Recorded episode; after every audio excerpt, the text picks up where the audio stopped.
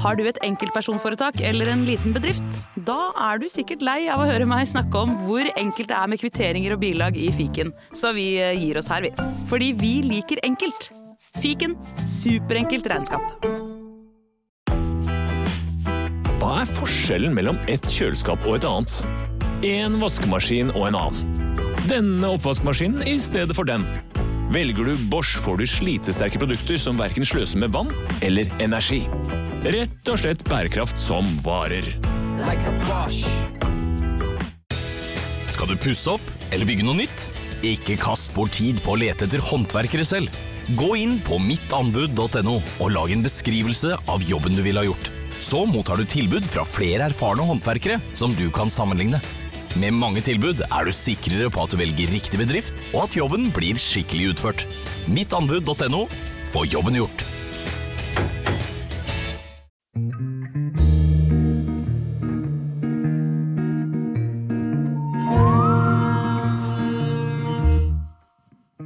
Dette er en historie basert på virkelige hendelser. Hovedpersonene i denne historien har fått nye navn, stemmene deres er byttet ut med skuespillere, og noen av hendelsene er skrevet om for å beskytte de involverte. Dette er Blod på veggen, en podkastserie i åtte deler fra Avhørt. Del åtte. Siste del.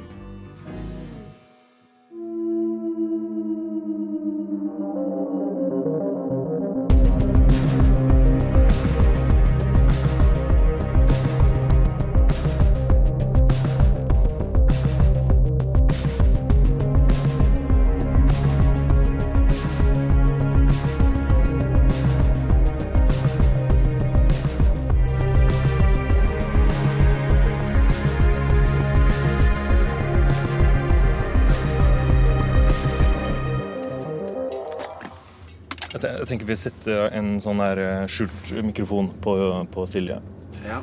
Eh, hvis vi fester den i uh, vi, vi, vi kan jo risikere at de her er liksom veldig på alerten. da.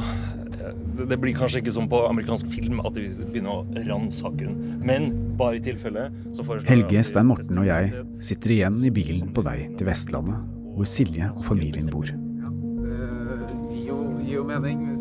Sommeren 2021 ble Silje overfalt og holdt fanget i sitt eget hjem.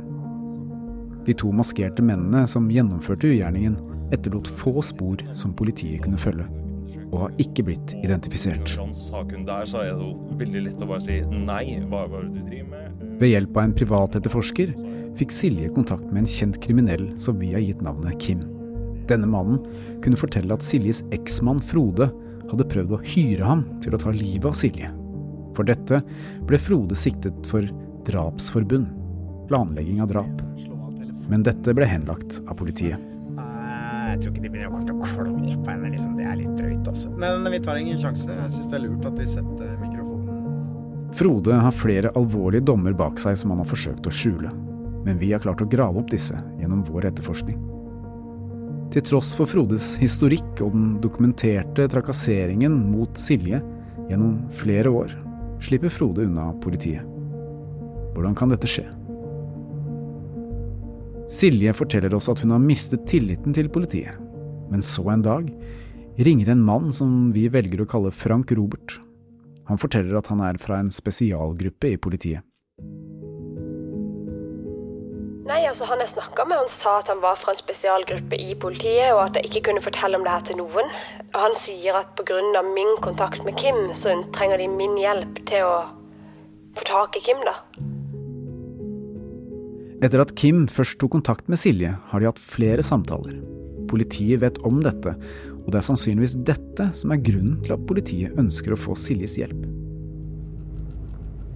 Hva er det vi egentlig vet om de her karene vi skal Vi vet veldig lite. Eh, Vi vet at det er en mann som har tatt kontakt med Silje.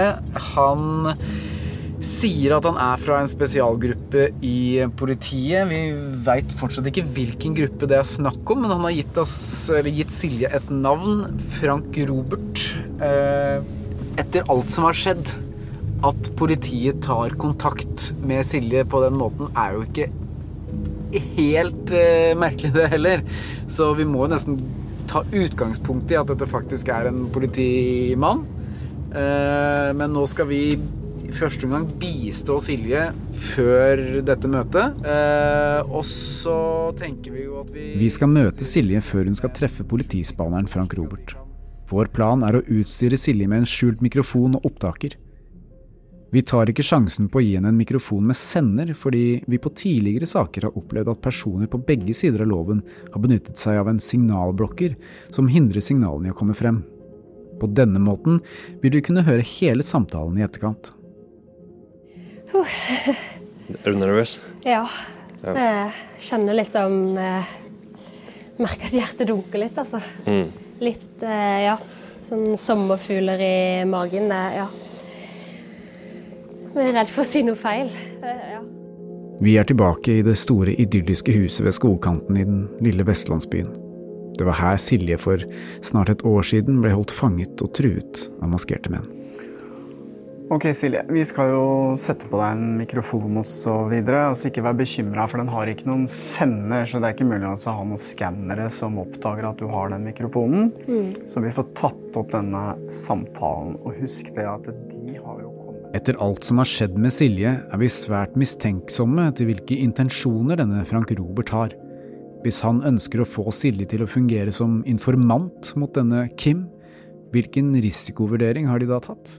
Hvordan skal de sørge for Siljes sikkerhet? Vi vet at Kim er en svært farlig mann med flere alvorlige dommer bak seg, deriblant drap. Og vi syns det er meget risikabelt å sette en trebarnsmor mellom en person som ham og politiet. Derfor ønsker vi å gjøre opptak av denne samtalen. For dersom politiet ønsker å presse henne til å samarbeide, er det viktig at vi har dette på opptak. Nei, åh, det er liksom bare Ja, vi, altså hvis dette kan gjøre at, ikke sant, at politiet vil hjelpe meg, og ja da, Jeg tenker bare på barna, ikke sant. Jeg vil jo at få hjelp. Ja, det har de antyda i tekstmeldinger som du har hatt med de her du skal møte nå, at hvis du hjelper de, så kan de hjelpe deg i din sak. Ja. Ja. Silje er desperat. Hun har kommet til et punkt nå hvor hun er villig til å prøve alt for å få hjelp. Hun håper at ved å møte politiet i dag, at de vil kunne hjelpe henne med hennes sak mot Frode. Ja, nå er det like før. Jeg lurer på om vi skal få mygga opp uh, Silje. Jeg tror vi, vi, må, vi må skjule en mikrofon. Mens vi rigger Silje med skjult mikrofon, sitter mannen Thomas på et soverom i etasjen over med datteren Nora. Nora vet ingenting om det som har skjedd med moren, og de tenker det er best at det fortsetter slik, så de holder henne utenfor. Er du klar? Ja. ja, jeg må, ja, jeg må være klar nå. Mm. For du skal bare gå opp til veien, og så skal de plukke deg opp i en bil, var det sånn? Ja. Ok.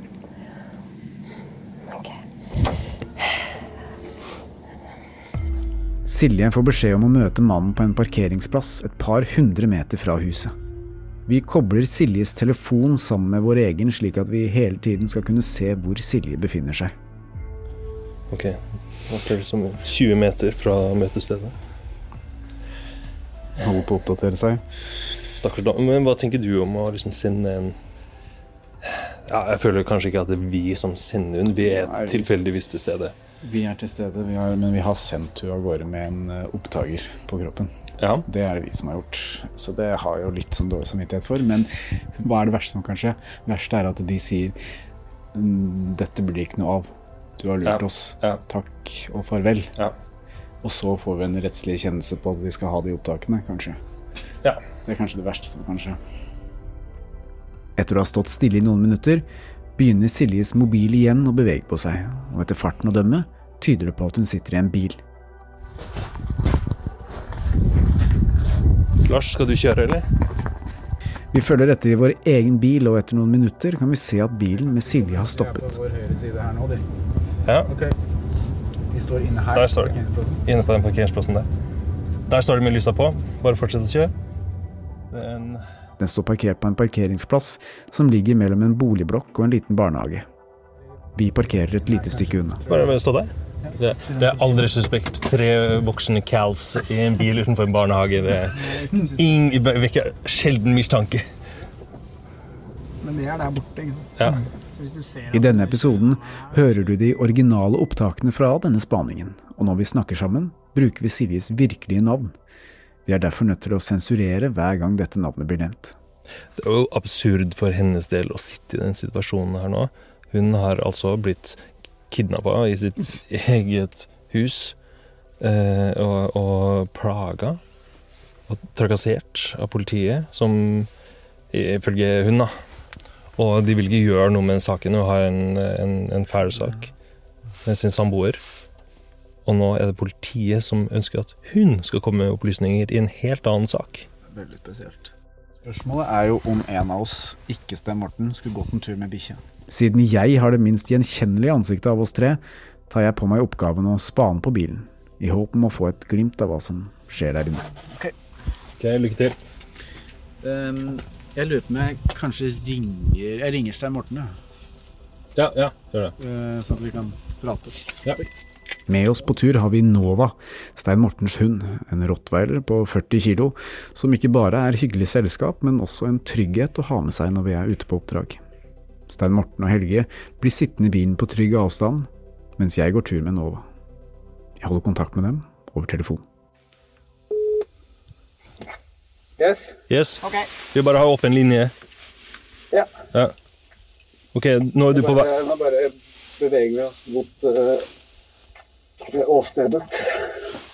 Hvordan eh, blir du akseptert av Nova? Ser det troverdig ut? Det så ut som hun ga litt ekstra krefter på vei ut herfra. Så ut som en sånn cartoon-figur. Ble dratt bortover gata av bikkja. Ja, man må bare bli vant til det. Det. Du må se ut som en troverdig hundeeier. Du har jo to katter, har du ikke det? Jo, Dette er den største skuespillerjobben jeg noensinne har gjort. Det er sent på kvelden nå, og mørket har lagt seg. Det ligger noen eneboliger i området som avgir litt lys, men ellers er det ganske mørkt. Nå er jeg ser bilen. Ser, ser du hvor mange som sitter i bilen, eller? Nei, men Nå ser jeg ikke bilen akkurat nå, for den har kommet på sånne sånn blendende lampe her nå. Sånn automatisk lampe. Så bare flytter meg litt, nå går vi forbi. Bilen hvor Silje sitter i, står på tomgang med lysene på, men det er vanskelig å få innsyn i bilen uten å gå for nærme. Jeg ser eh, det er sota rute bak her. Jeg ser én person som sitter i, i førersetet.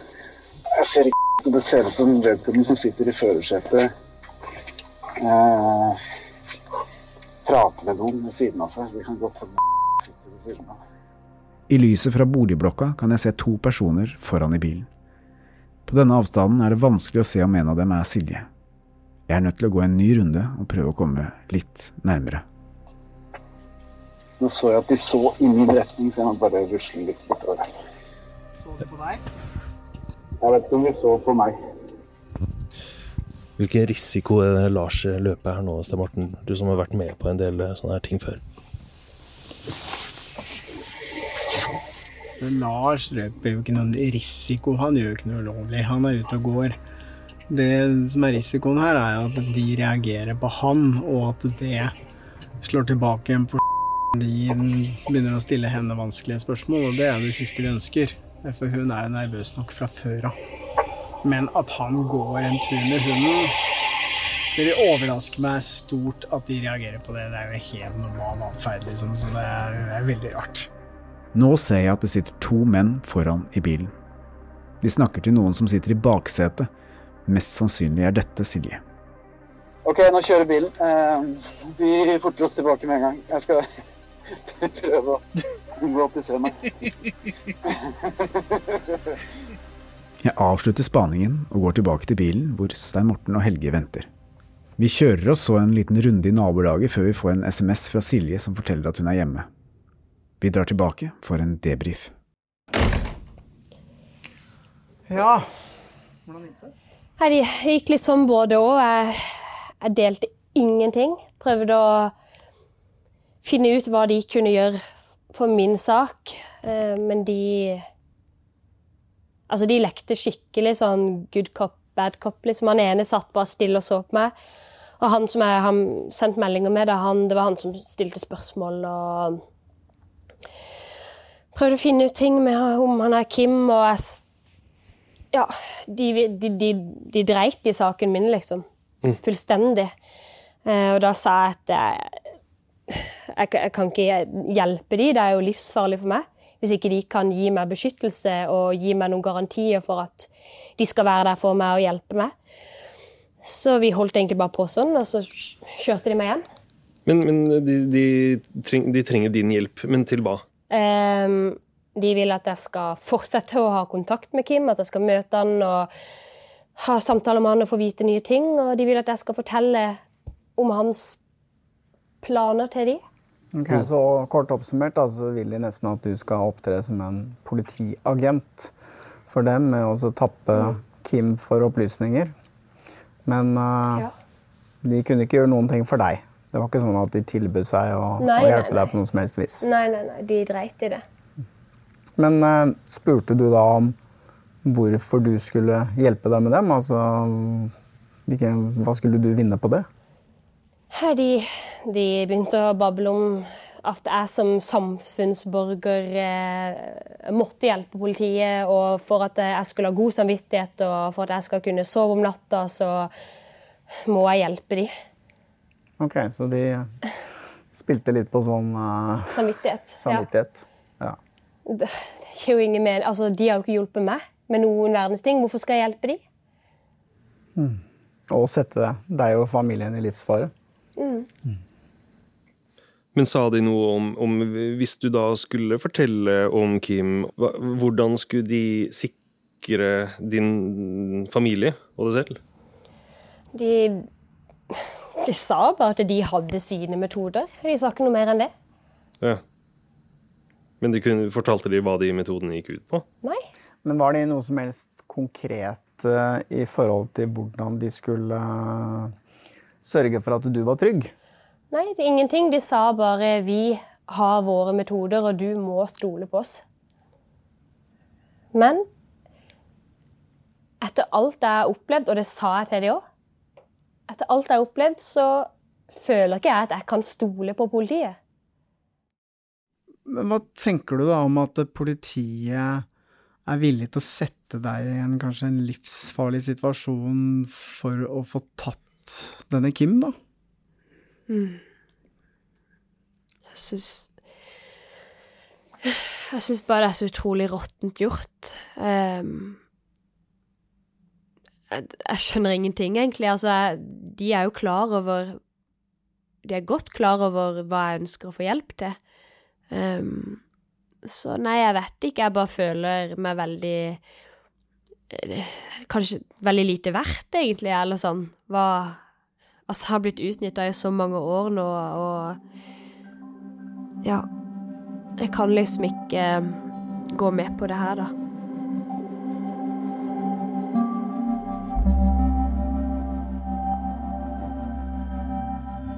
Det nesten 40 minutter lange opptaket fra Siljes samtale med politiet bekrefter Siljes historie.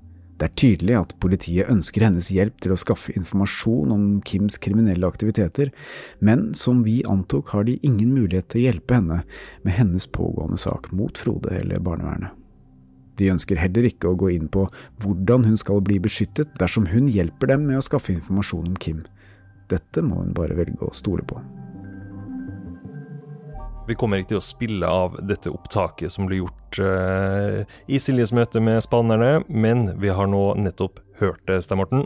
Ja, vi har hørt det, og det er jo en, for så vidt en ryddig samtale hvor uh, de ønsker hennes hjelp. Men samtidig sier at uh, de er ikke i noen posisjon eller har ikke noen mulighet til å hjelpe henne med noen verdens ting. Og det er klart at hun oppfatter jo det selvfølgelig litt som at de eh, gir fullstendig blaffen i henne, men eh, det er vel litt sånn det er. De jobber et annet sted.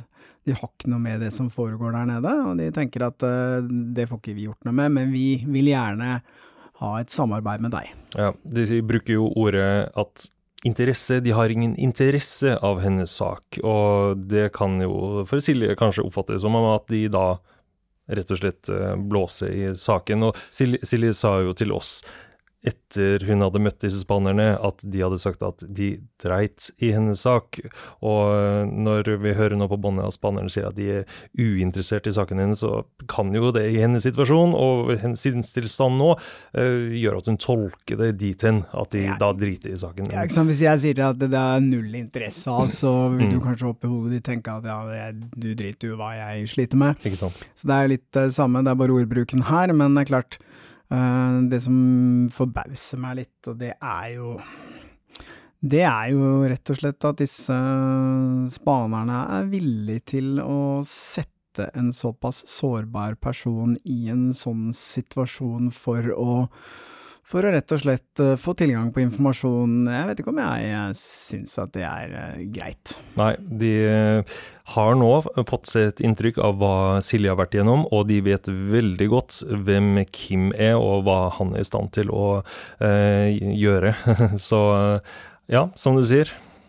Det er ikke bra at de ønsker å bruke hun som en informant her nå. Nei, hun har jo vært ganske klar med dem og sagt at uh, det er jeg ikke noe interessert i. Jeg vet ingenting. Jeg vil ikke snakke om Kim, og jeg vil ikke egentlig ha noe med dere å gjøre. Silje har jo vært veldig desperat over en lang tidsperiode, og hun håpte jo at uh, møtet med disse spanerne skulle kunne ha en innvirkning på hennes egen sak. Ja, selvfølgelig. Altså, du har opplevd så mye motstand fra det lokale politiet. Du opplever å ikke bli trodd uh, osv. Da kommer det noen andre politifolk inn fra sidelinja, så det er ikke rart at hun håper at uh, ok, kanskje disse politifolka kan hjelpe meg i min sak. Jeg skjønner jo det, og at hun hadde et håp om det, og da blir jo skuffelsen veldig stor når du finner ut at de egentlig er egentlig bare interessert i å bruke det. Ja. Men uansett, det jeg reagerer sterkest på, og som jeg syns er kritikkverdig, er viljen til å sette sette en såpass sårbar person som sliter med så mye allerede, eh, i livsfare for å få opplysninger som de gjerne vil ha.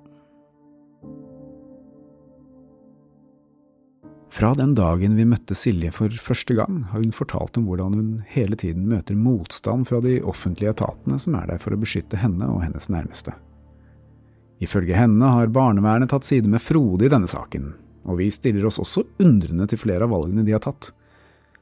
Det er nå over et år siden Silje sendte inn en klage på barnevernet til statsforvalteren, og hun venter fortsatt på svar.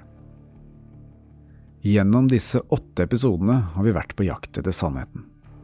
Vi har blitt fortalt Silje sin versjon av hendelsesforløpet, en del av disse hendelsene har blitt skrevet om for å beskytte de involverte, men vi har allikevel forsøkt å holde oss så tett opp mot det hun har fortalt oss som mulig.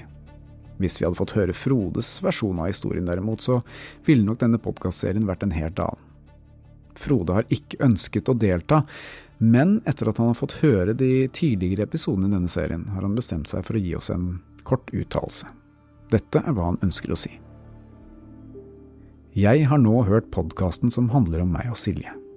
Det er også flere her i byen som har fått med seg dette, selv om dere sier at dere har anonymisert. Jeg blir utsatt for løgner og uriktigheter. Dette dreier seg om en barnefordelingssak der dere har fått innsyn i en brøkdel av saksdokumenter, hvor alt dere har sett gagner Silje. Det er mye i hennes fortelling som er dratt ut av kontekst og er ren løgn.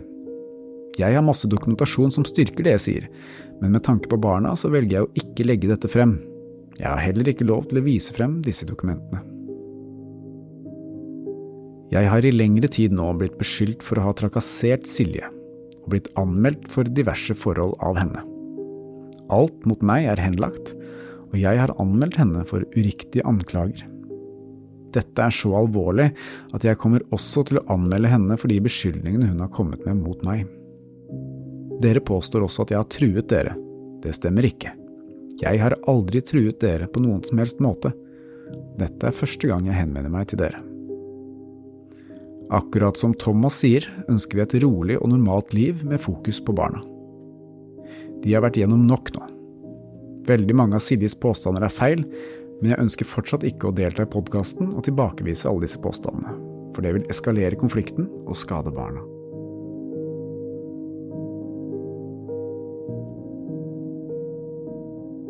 Selv nå, helt på slutten av denne podkastserien, sitter vi igjen med flere spørsmål. Som Frode sier, er det fortsatt mye dokumentasjon som vi ikke har fått tilgang til, som kunne hjulpet oss å kaste ytterligere lys over denne etterforskningen.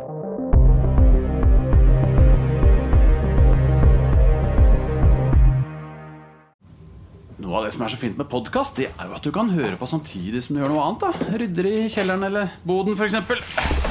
Og alt du trenger av flytteesker og oppbevaring, det finner du på Har du et enkeltpersonforetak eller en liten bedrift? Da er du sikkert lei av å høre meg snakke om hvor enkelt det er å levere skattemeldingen med fiken, så vi eh, gir oss her. Fordi vi liker enkelt. Fiken superenkelt regnskap. Det er flere steder vi har vært nødt til å endre på informasjon og skrive om hendelser for å beskytte de involverte. Spesielt med tanke på barna, som havner midt i denne vanskelige konflikten. Vi har fått dokumentasjon fra flere kilder, og det er ingen tvil om at mye av dette gagner Silje. Men det har også skjedd at vi har tatt Silje i løgner og forsøk på å pynte på sannheten. Husker du da vi i del fem fortalte om at Silje fikk en straff for fyllekjøring? Um, jeg hadde en veldig vanskelig tid da jeg var 18 og eh, mista min mor. Og jeg hadde jo også mista min far da jeg var barn. Um, så da er det en hendelse hvor jeg ble tatt i, i å kjøre i ruspåvirka tilstand. Um, men det er jo mange år siden nå, og jeg har ja, lagt det bak meg, da. Og, og, nå kan jeg Dette var kanskje første gang Silje ble tatt for kjøring i ruspåvirket tilstand, men det var ikke siste. Hele tre ganger senere i løpet av en toårsperiode, da hun var i starten av 20-årene, ble Silje dømt for lignende forhold. Dette valgte hun å skjule for oss på samme måte som Frode prøvde å skjule sine tidligere dommer. Disse dommene har gjort at Silje selv nå, mange år senere, fortsatt blir stoppet i ruskontroll av politiet. Hvordan kan man finne sannheten når begge sider forsøker å pynte på sin egen historie?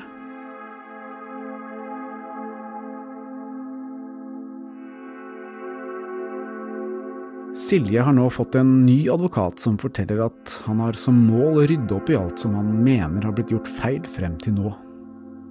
Så vi tok en prat med denne advokaten, som forblir anonym i denne podkasten. Det, det, har jo vært en spesiell sak helt fra Silje gikk fra Frode. Så kom det jo en foreldretvist i kjølvannet av det. Da opplevde jeg jo Frode på nært hold gjennom flere rettsmøter. Og han er jo en spesiell fyr i den forstand at det som gjelder han, det er jo sannheten om andre. Altså det at Silje har de samme problemene som han selv.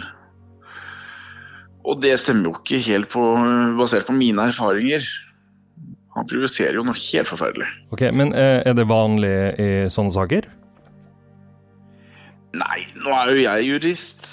Men eh, basert på den erfaringer jeg også har med psykologer i slike saker, så er det forbeholdt noen få, egentlig. Eh, men jeg har opplevd det før.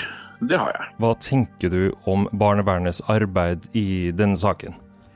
Nei, Jeg stiller meg helt uforstående til hvorfor de plutselig snudde bestendig og så på Silje som et problem. At det var hun som var problemet. Jeg har prøvd å analysere det og prøvd å ta problemstillingen med flere bekjente i barnevernet. Hva kan årsaken være til en slik fullstendig endring? Kan det være noe Silje har sagt som eh, har gjort at de har endret mening? Jeg vet ikke, men det skal sies at jeg har dårlig erfaring med barnevernet i denne byen her fra andre saker.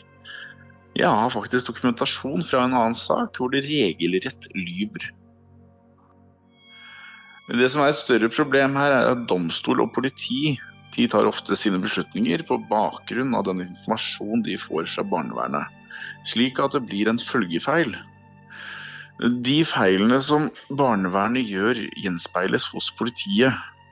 Og akkurat i denne saken er det så opplagt at jeg stusser over at ingen andre ser det, og at ingen andre tar tak i det.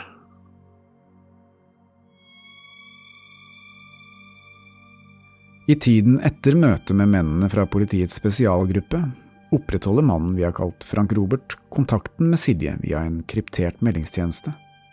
Vi har fått lese denne kommunikasjonen.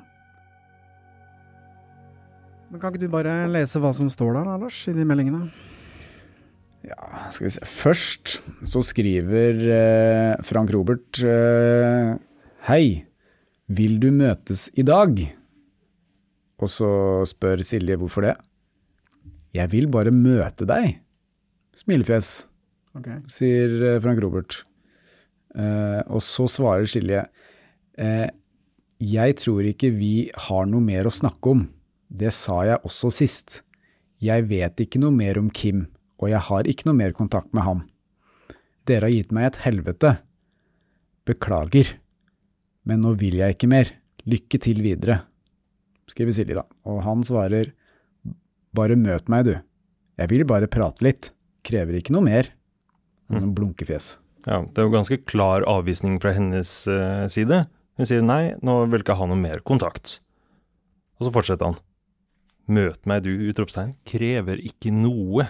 Okay. Så han har jo krevd noe av hun før. Han har krevd mye. Han har krevd at hun skal utlevere informasjon som hun har fått eh, rett fra Kim, og, og grave ut mer info av Kim, sånn at uh, disse spanerne kan bruke det mot han. Den uh, meldinga svarer ikke Silje på, uh, og da skriver spaner Frank Robert Vet du hva, Silje? Eh, du er en fin jente, smile-emoji. Men meg kan du stole på. Vi trenger å snakke sammen. Ja, hva tenker du om disse meldingene, Helge? I mine ører så er det, føles det litt manipulerende. Eller hva tenker du? I hvert fall veldig insisterende på at eh, her eh, her, eh, De har et uh, helt tydelig ønske om å møte Silje. Mm. Og vi vet jo hva de vil. De vil ha informasjon som Om en livsfarlig kriminell. Ja, Ja. om Kim. Mm. De har jo i lang tid forsøkt å tilnærme seg denne Kim, og de vet at Silje har hatt dialog med Kim, og de ønsker å bruke hun for å hente ut mer informasjon av Kim.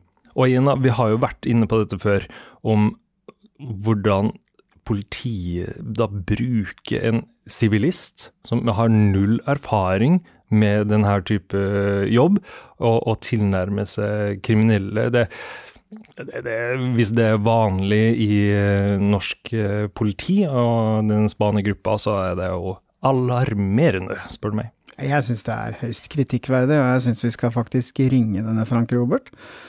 Og så stiller han følgende spørsmål, og så syns du det er greit å sette en sårbar småbarnsmor i potensiell livsfare, og nærmest presse henne til å havne i en sånn situasjon? synes du det?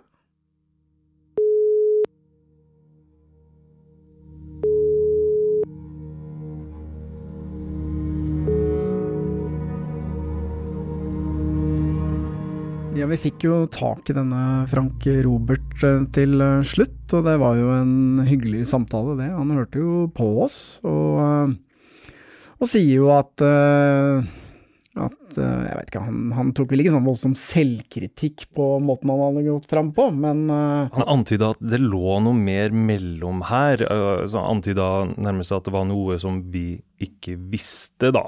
Eller kanskje han prøvde å fiske ut at vi skulle fortelle mer om hva vi, hva vi satt inne med. Altså, vi var jo veldig nøye med å eh, beskytte Silje litt her. Vi fortalte jo ikke at vi hadde tatt opp samtalen i bilen og hørte på den. Det gjorde vi ikke. Nei. Vi var mer opptatt av å liksom stille han følgende spørsmål. Er det ok å sette en sårbar person i en potensielt livsfare for å få opplysninger?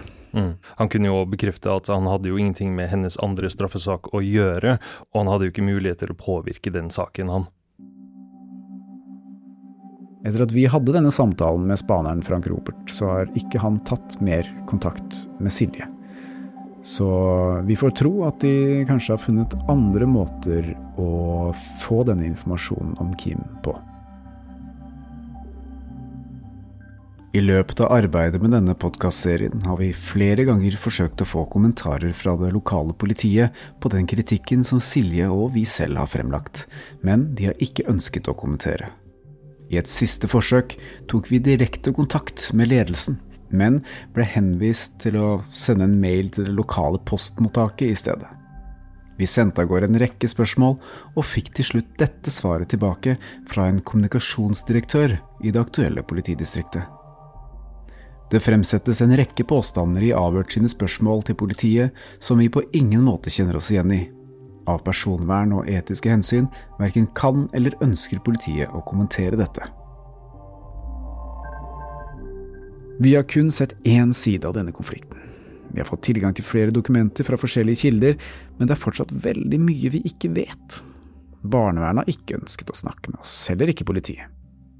Så nå, når vi nærmer oss slutten, kan vi bare oppsummere hva vi vet og spekulere rundt dette. Som vi har nevnt i en tidligere episode, så sa vi faktisk først nei til Silje da hun tok kontakt med oss.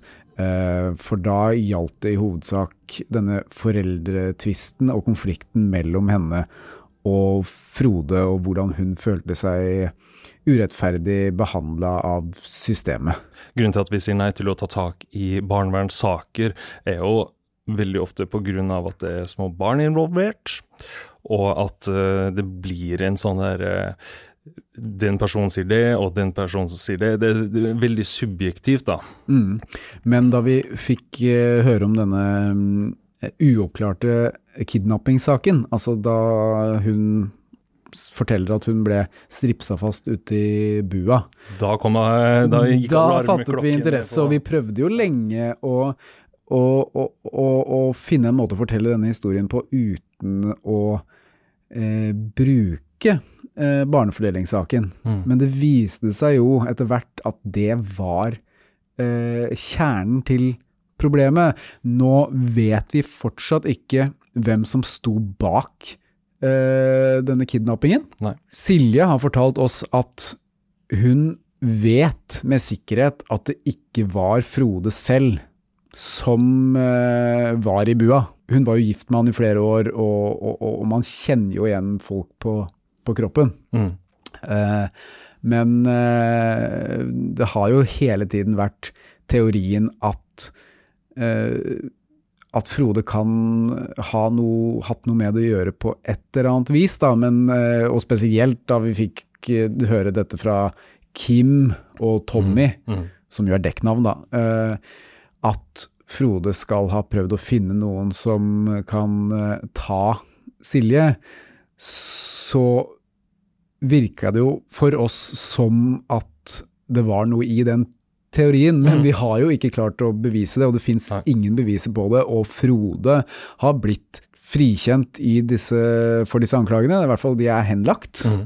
Silje har jo kommet med konkrete navn på personer i Frodes krets som hun mener kan ha vært i bua der. Ja, og det, eh, Vi vet jo også at politiet har avhørt noen av disse i forbindelse med etterforskningen, men det har jo heller ikke ledet noen vei, så den saken står fortsatt uoppklart. Mm. Utfordringen med denne saken er jo at vi kom inn på et veldig sent tidspunkt. Dette har jo foregått i veldig mange år, og i løpet av de årene så har det skjedd utrolig mye.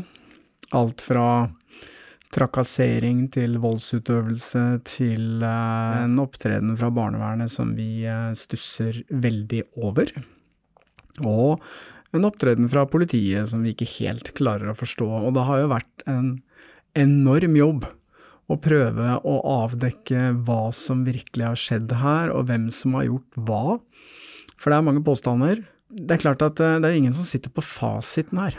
Nei, men hva vet vi egentlig? Det vi vet er at uh, vi har jo trodd at saken har blitt henlagt, men den er ikke det. Uh, etterforskningen er stoppet opp. Uh, men det er slik at hvis det kommer nye opplysninger, så kommer de til å fortsette etterforskningen. Og så er, vet vi jo det at det ble funnet ukjent DNA på teipen Teipen som hun hadde rundt munnen, ja, altså strip, stripsene rundt og stripsene og på døra. Ja, alt dette her gikk vi jo gjennom da vi så på de tekniske undersøkelsene som politiet gjorde i del tre. Og det er klart at uh, det som ofte skjer da, det er at uh, hvis en eller annen person blir tatt for noe så alvorlig at de tar DNA, så kan det bli en match. Og det kan jo faktisk løse saken. Mm. Vi prøvde jo å gjenskape den dramatiske situasjonen her i studio, og vi klarte jo til en viss grad å gjennomføre det, selv om det var jo eh, nøye planlagt fra vår side. Men eh, helt konkret så vet vi at eh, Silje ble funnet av eh, Thomas ute i eh, bua. Eh, det var helt mørkt, så den som har gjennomført dette, må ha gjort det i mørket. Hun var stripsa fast uten eh, noe særlig mulighet til å bevege seg, og det var eh, DNA-bevis på, som du sier, teipen og stripsen og døra fra en ukjent mann, som ikke var da Thomas. Ja, det er riktig, og i tillegg til det så vet vi at uh, hundetjenesten som kom til stedet, at den ene hunden markerte fra bua og ned til uh, veien ned trappa på baksiden der, så noen har gått ned der som den hunden markerte på. Og de fant skoavtrykk Ja. eh, som de ikke klarte å finne noen match til, i hvert fall ikke i eh, huset. Så det er mye som tyder på at det var eh, minst én person til til stede den kvelden. Men sånn som det står i dag, så er jo den saken uoppklart, så vi får håpe da eh, det på et tidspunkt vil dukke opp eh, noen som samsvarer med denne, dette DNA-beviset, og at vi kan få et svar på det. Men per i dag så ser det ganske vanskelig ut. Hvis ikke da noen står frem og sier at hei, det var meg. Men det er også veldig eh, usannsynlig. Men etter å ha jobbet med denne saken her nå i et halvt år, det er rundt et år siden hun tok kontakt med oss første gang, da vi sa nei, og så sa vi ja litt senere, og nå har vi jobbet med denne saken her i over et halvt år, og sett hundrevis av sider med dokumenter. Mm. Uh, vi har snakket med kilder på uh, begge sider av, uh, av denne konflikten, og vi har snakket med noen som er helt uavhengige også, som har vært med på å støtte noe av disse tingene Silje har fortalt.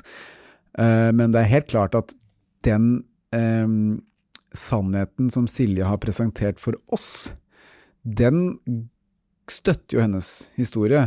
Ja. Eh, og i sine avhør med politiet, som vi har lest eh, av Frode, så eh, forteller jo han det motsatte. Mm. Han vil gjerne eh, fortelle hvor mye Silje lyver. Silje forteller om hvor mye Frode lyver. Og det ser man jo i flere sånne her type saker hvor det er spesielt foreldretvister. Eh, de, de fortsetter i evigheter, Mm. og så står barna igjen som taperne. Og det ser man jo her òg. Det man nesten begynner å lure på, er om disse instansene og systemene som er der for å hjelpe mennesker i en vanskelig situasjon, om de faktisk jobber for å finne en løsning, eller om de Det fremstår nesten som en sånn byråkrati som bare ønsker å holde en konflikt gående. Hvordan skal ellers disse advokatene tjene millionlønnene sine, hvis, eh, hvis de kom, får, hjelper partene sine til å komme til en enighet? Ja, det er et godt poeng. ja. Nei, det er jo bare en tragisk sak. Kjempetragisk, det er ikke noe tvil om det. Selv nå, helt på slutten av denne podkastserien, sitter vi igjen med mange spørsmål. Silje fortsetter å kjempe sin kamp, og selv om det har sett mørkt ut for henne, skimter hun nå et lys. Ja, Silje, det har jo skjedd en utvikling i saken din. En positiv en, vil jeg kanskje si. Hva er det som har skjedd? Eh, jo, nå har jeg endelig fått svar fra statsforvalteren. Eh, fordi jeg klagde jo inn eh, barnevernet. Eh, det er jo et år siden nå. Og nå har jeg endelig fått svar hvor jeg har fått eh, medhold. Eh, og de eh, statsforvalteren da konkluderer eh, med at barnevernet i den byen som jeg bor i, da har brutt loven. Statsforvalteren, tidligere kjent som fylkesmann, er regjeringens nærmeste representant i det fylket du bor i, og har som oppgave å overvåke at Stortinget og regjeringens vedtak blir gjennomført gjennom kommune- og fylkeskommunens virksomheter. Hvis du føler deg urettmessig behandlet av et kommunalt embete, eller at det har blitt begått urett i din kommune, er det statsforvalteren dette kan legges frem for. Siljes klage i dette tilfellet gjaldt hendelsen på påskeaften i fjor hvor Frode skal ha kjørt av på sykkel i rusa tilstand med datteren bakpå, og hvordan barnevernet behandlet dette i de fem månedene i etterkant. Og det her ser jeg på som en stor seier um, for meg, og et veldig, veldig viktig steg eh, i riktig retning. Eh. Og sammen med min nye advokat så har jo jeg nå Så har vi utarbeida nye klager som vi har sendt inn til statsforvalteren, og de har sagt at de skal hastebehandle de. Så forhåpentligvis så tar det ikke et år før jeg får svar eh, denne gang, og jeg kommer til å fortsette å kjempe videre eh, for at min historie skal bli trodd. Og eh, ja, bare fortsette å bevise at jeg snakker sant. Vi har spurt barnevernstjenesten i den aktuelle byen hva konsekvensene av denne avgjørelsen vil bli for dem, men de har valgt å ikke svare på denne henvendelsen. Så hva tenker du egentlig om framtiden da, Silje? Jeg har vært gjennom et fullstendig helvete de siste åra, og det har vært veldig vanskelig både for meg og for min familie og folk rundt meg. Så mitt eneste ønske er at Frode skal få den hjelpa han trenger, eh, og at ting skal normalisere seg. og det eneste jeg ønsker, er alt godt for barna mine. At de skal ha et trygt og bra liv.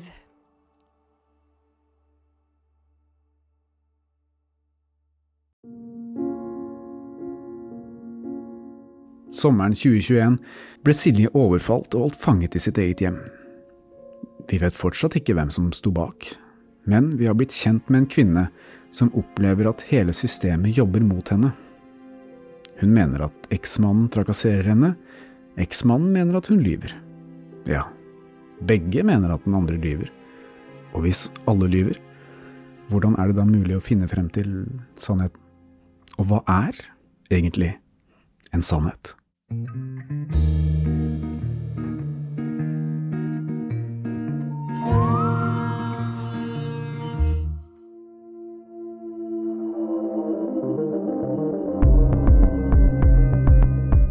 Avhørt er produsert av Batong Media. Redaksjonen vår består av Stein Morten Lier, Helge Molberg, Marius Søvik Bergersen og meg selv, produsent Lars Christian Nygårdstrand. Temamusikken til Avhørt er laget av Altered States, og du finner oss på Facebook og Instagram. Hvis du vil høre eksklusive serier fra Avhørt, ett og et halvt år før alle andre, finner du disse på Podme. Gå inn på podme.no eller last ned Podme-appen. Ansvarlig redaktør i Batong Media er Stein Morten Lier. Har du et enkeltpersonforetak eller en liten bedrift? Da er du sikkert lei av å høre meg snakke om hvor enkelt det er å levere skattemeldingen med fiken, så vi eh, gir oss her. Fordi vi liker enkelt. Fiken superenkelt regnskap. Nå er det påskesalg hos Ark. Du får 30% på påskekrim og 40% på alle spill og puslespill. Jeg gjentar Ark har 30% på et stort utvalg krim og 40% på spill. Det er mye påske for pengene. Så hamstre påskekosen i nærmeste Ark-butikk eller på ark.no. Denne går ut til alle dere foreldre som ønsker at barna deres skal bevege seg mer. Bare husk på dette lille verset. Bort med mobilen, alle mann, så drar vi til Leos lekeland. Lek så mye du vil til 20. juni. Gå ikke glipp av tilbudet Springpass. Vi ses på Leos.